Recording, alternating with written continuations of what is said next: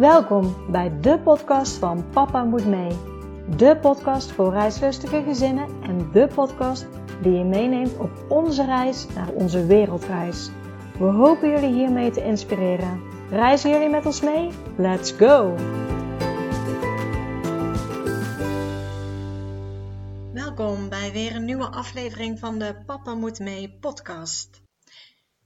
In deze podcast ga ik dieper in op een vraag die ik voorbij zag komen op de Facebookgroep Travelicious Families.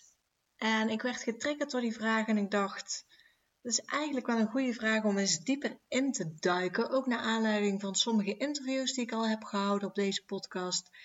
Dat ik toch zie dat er nog vaak onduidelijkheid over dit onderwerp bestaat. En het onderwerp wat ik vandaag met jullie wil bespreken is wat kan je doen met je huis tijdens je wereldreis?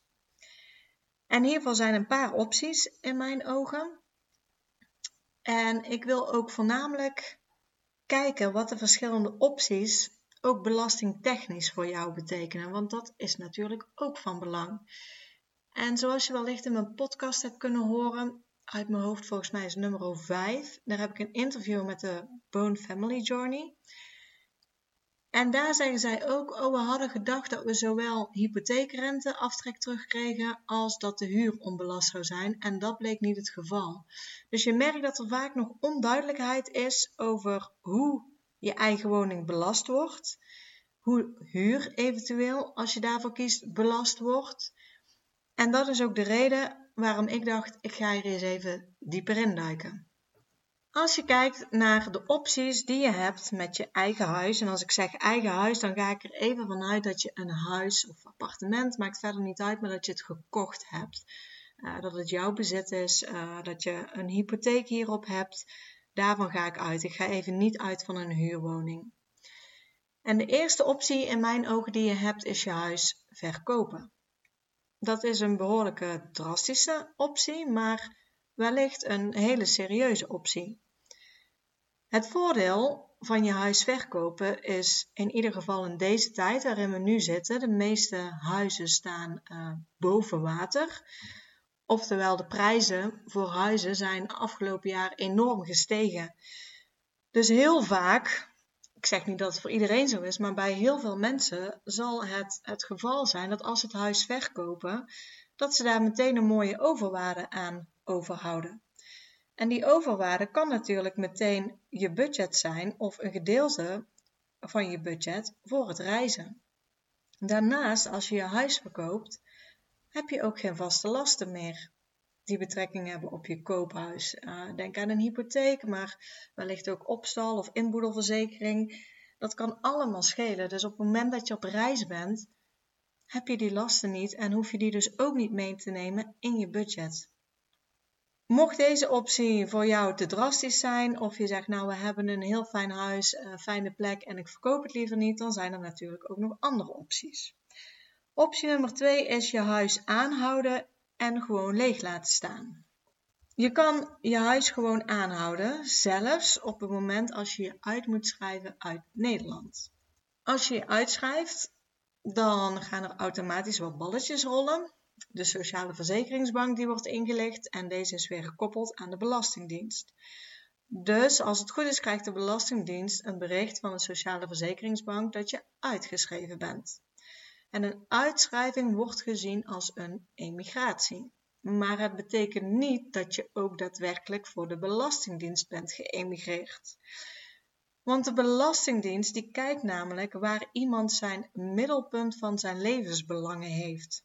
Want dat is bepalend waar iemand belasting moet betalen. Dus ondanks dat je je uitschrijft, kan het dus zijn dat je middelpunt van je levensbelangen nog steeds hier in Nederland zijn. Want daarbij letten ze op het hebben van een huis in Nederland, een dienstverband hebben. Misschien heb je onbetaald verlof genomen of deels betaald, dan heb je nog steeds een dienstverband in Nederland. Wellicht heb je een eigen zaak in Nederland. Ze kijken ook naar familie en vrienden. Waar heb je je bankrekening? Uh, heb je nog uh, abonnementen lopen hier in Nederland? En heb je al dan wel niet de intentie om terug te keren naar Nederland? En dit is allemaal een beetje subjectief, maar vaak zal je zien, vooral als je voor maar bepaalde tijd op reis gaat, dat jouw middelpunt van levensbelangen nog in Nederland zijn en daardoor blijf jij hier belastingplichtige. Als je hier nog steeds belastingplichtig bent, dan hou jij ook het recht op hypotheekrenteaftrek. Aangezien jij zegt ik heb een woning in Nederland, die woning is nog steeds mijn hoofdverblijf. Ik moet belasting betalen in Nederland en ik heb gewoon de intentie dadelijk weer terug te keren. Dan kan je gewoon hypotheekrenteaftrek krijgen. Het kan echter wel zijn dat het proces traag loopt, dat het lang duurt. Dus het kan zijn dat je eerst een voorlopige teruggave hebt gehad, dat dan de belasting zegt dat je het moet terugstorten en dat de belasting dan zegt oké, je had er wel recht op en dat je het weer ontvangt. Dat kan. In Nederland hebben nogal een bureaucratie, dus sta daar niet van te kijken. Uh, het is in dit geval sowieso belangrijk om wel even met de Belastingdienst contact op te nemen, want wellicht kan je deze situatie vermijden en kunnen ze het meteen goed regelen. Het nadeel van je huis leeg laten staan zijn natuurlijk wel de kosten die doorlopen. Ondanks dat je op reis bent, zal je wel je hypotheek moeten blijven betalen, je verzekeringen. Uh, dus hou daar dan in je reisbudget ook rekening mee. En hou, ik heb het denk ik in de eerdere podcast al genoemd, maar als je uitschrijft, kijk ook even je verzekeringen na. Uh, bel ze even op om te kijken of het uitschrijven nog gevolgen heeft voor de dekking van je verzekeringen. Dan hebben we optie 3, je huis verhuren. Een optie die ik denk ik bij de interviews die ik nou heb genomen, even uit mijn hoofd. Volgens mij hebben ze allemaal tot nu toe hun huis verhuurd. Dus ik denk dat dit een optie is die je heel vaak in de praktijk ook ziet. Om te beginnen, als je je woning verhuurt, dan heb je daarvoor officieel toestemming nodig van je hypotheekverstrekker. Kijk vooral ook even hypotheekakte na, want bijna in alle hypotheekakten staat een verbod op verhuur van je woning. Wat gebeurt er als je dat wel doet? Als je toch je woning verhuurt zonder goedkeuring van je hypotheekverstrekker, dan loop je het risico dat de hypotheekverstrekker de lening per direct opeist als zij erachter komen. En dat betekent weer dat je binnen acht dagen de hele lening moet terugbetalen. En dat is ook vaak lastig, want in de praktijk betekent dat heel vaak een gedwongen verkoop. En in het allerslechtste geval wordt je woning geveild. Hoe groot is dan de kans dat je hypotheekverstrekker erachter komt? Die is niet heel groot, maar die is natuurlijk wel altijd aanwezig. Waarschijnlijk zolang je gewoon door blijft betalen, is er niet heel veel aan de hand. Ehm, maar weet wel, als je het zonder toestemming doet, dat dit eventueel de gevolgen kunnen zijn. Waarom staat dat er dan in? Waarom mag je woning niet zomaar verhuren? En waarom gaan zij niet zomaar akkoord, de hypotheekverstrekkers, met het verhuren van je woning? Zij gaan heel vaak niet akkoord vanwege de uitgebreide huurbescherming die huurders onder het normale verhuurrecht hebben. Echter, voor tijdelijk verhuur van je woning is het sinds 2016 mogelijk om kortdurend tijdelijk huurcontract af te sluiten. En daarin wordt de huurder niet beschermd door huurbescherming. Dus het kan zijn, als jij aangeeft bij jouw hypotheekverstrekker dat het om een kortdurende huur gaat, om een tijdelijke verhuur en dat de huurder niet onder huurbescherming valt, kan het zijn dat ze wel toestemming geven. De huurovereenkomst wordt dan voor bepaalde tijd aangegaan en in de huurovereenkomst moet een ontruimingsbeding worden opgenomen. En daarin staat dat de huurder de woning moet verlaten als de verhuurder na de overeengekomen periode weer terugkeert. Dus het is niet zo dat je eerder terug kan keren, maar als je bijvoorbeeld een termijn afspreekt van 10 maanden, dan moet de huurder er na deze 10 maanden uitgaan uit de woning. De verhuurder die kan dus de huurovereenkomst opzeggen aan het einde van het afgesproken termijn en dus niet eerder. En de verhuurder heeft hierbij een wettelijke opzeggingsgrond. Dat betekent dat als de huurder weigert te vertrekken, de verhuurder de beëindiging van de huurovereenkomst en het ontruimen van de woning bij de rechter kan afdwingen. En deze huurovereenkomst wordt ook wel een huurovereenkomst met diplomatenclausule genoemd. En dit kan je alleen opnemen als je de woning zelf weer nodig hebt en als verhuurder moet je nog steeds de huurovereenkomst tijdig opzeggen. Dus een paar dingen die ik hier alsnog wil uitlichten is de bank kan misschien wel akkoord geven als je zegt het gaat om een tijdelijke huur zonder huurbescherming. Zonder huurbescherming. Huurbescherming geeft zoveel rechten aan een huurder, waardoor het lastig is om iemand de woning uit te krijgen. Als de huurder geen huurbescherming heeft, wordt het makkelijker om af te dwingen bij een rechter om hem uit de woning te zetten. De huur moet dan kortlopend zijn voor een bepaalde tijd. Dus in het contract moet duidelijk zijn aangegeven voor zoveel maanden is de verhuurde periode. Dan nog, ondanks dat er een termijn in staat, moet de huurder, moet de, sorry, moet de verhuurder op tijd, een paar maanden van tevoren, aangeven dat het contract afloopt. Als dan de huurder alsnog weigert te vertrekken, uh, dan sta je gewoon sterk bij de rechter en dan kan de rechter het ontruimen van de woning ook afdwingen. Als je je huis tijdelijk verhuurt, zoals in dit voorbeeld, dan blijft het voor de Belastingdienst je eigen woning. En dat betekent dat je huis nog steeds in box 1 valt. En als je huis in box 1 valt, dan heb je nog steeds recht op hypotheekrenteaftrek. Maar als je huis in box 1 valt, dan zijn de huuropbrengsten belast. In jouw aangifte moet je dan 70% van de huurinkomsten opgeven. En van deze huurinkomsten mag je kosten aftrekken die je hebt gemaakt. En het moeten dan wel kosten zijn die rechtstreeks verband houden met de verhuur van je woning. Zoals het gebruik van gas, water, elektriciteit, advertenties, om bijvoorbeeld je eigen woning te huur aan te bieden. Ik zal een rekenvoorbeeld geven, dat is misschien uh, iets lastiger omdat je het niet kan zien. Maar stel, je gaat um, drie weken maar op vakantie en in die periode verhuur je je huis. Dit zijn ook voorbeelden die staan ook op de site van de belasting. Dus mocht je daarin geïnteresseerd zijn of het na willen kijken, kan je gewoon naar de Belastingdienst ook gaan. De huur is 550 euro per week en je vraagt nog 50 euro schoonmaakkosten. Dus de huur die je ontvangt is 3 keer 550 euro, want je verhuurt het voor drie weken. Dat is 1650 euro.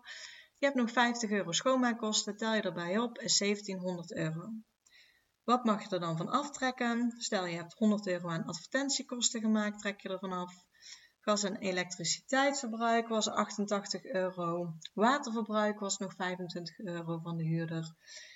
Dus die kosten trek je er vanaf. Dan kom je op een totaal van huurinkomsten op 1487 euro. Van dit bedrag pak je 70%, dat is 1040 euro. En dat bedrag geef je aan in je inkomstenbelasting, in box 1. Wanneer komt nou je eigen woning die je verhuurt in box 3 terecht? Dat is vaak afhankelijk van de looptijd en of de huurder recht op huurbescherming heeft. Want als je je woning voor langere tijd verhuurt, heeft de huurder vaak recht op huurbescherming. En op het moment dat je huurder huurbescherming krijgt, valt je woning in box 3.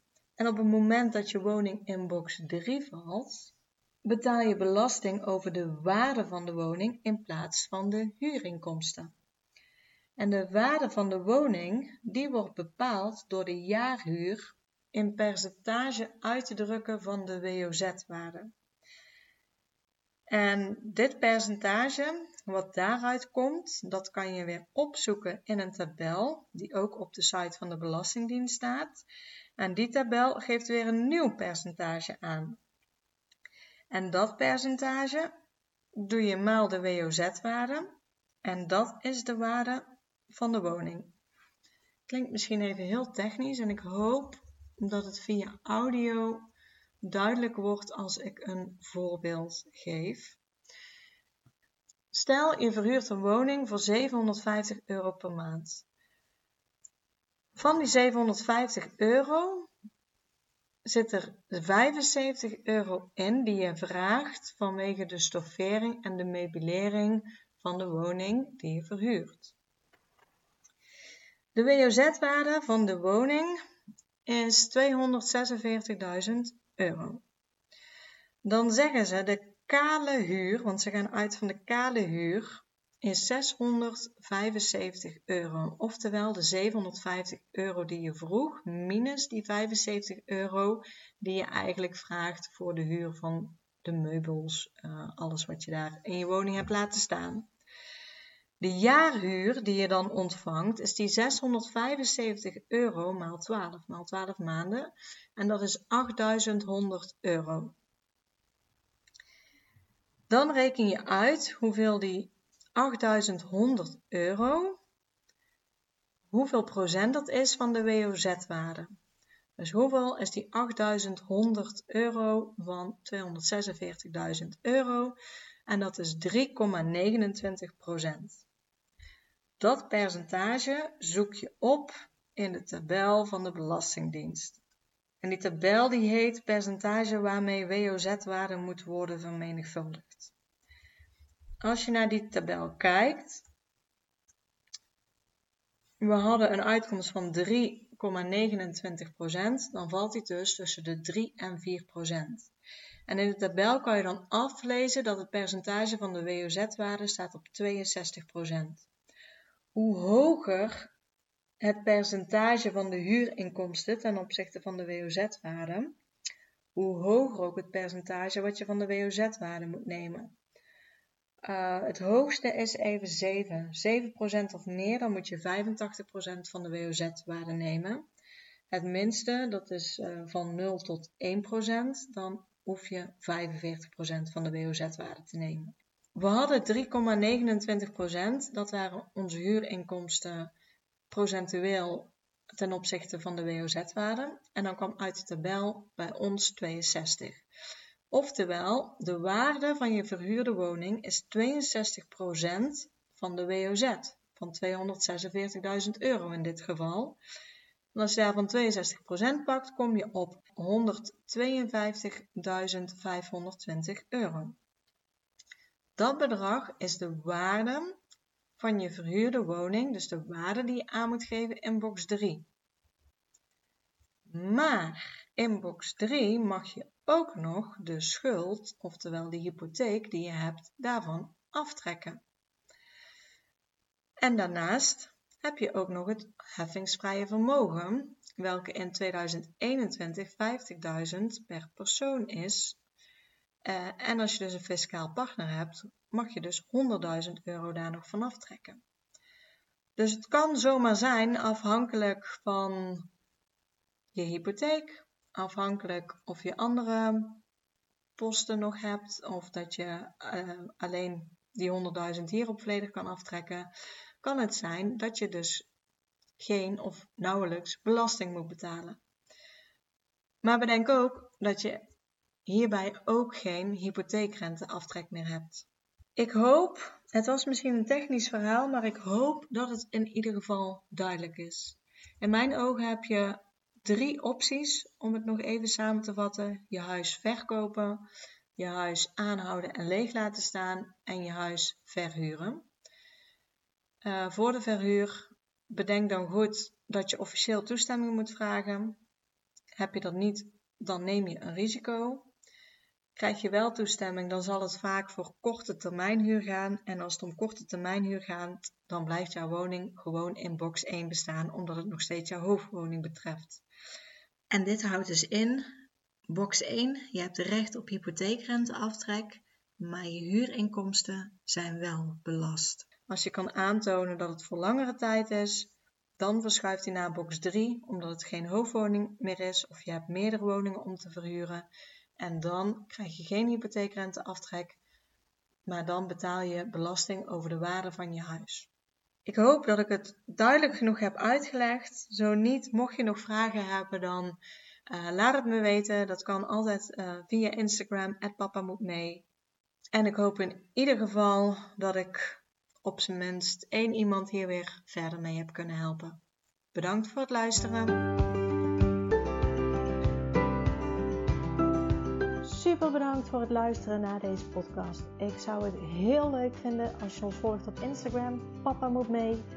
Deel deze vooral in je stories als je hebt geluisterd en tag ons en laat ons weten wat je ervan vond. Tot de volgende keer.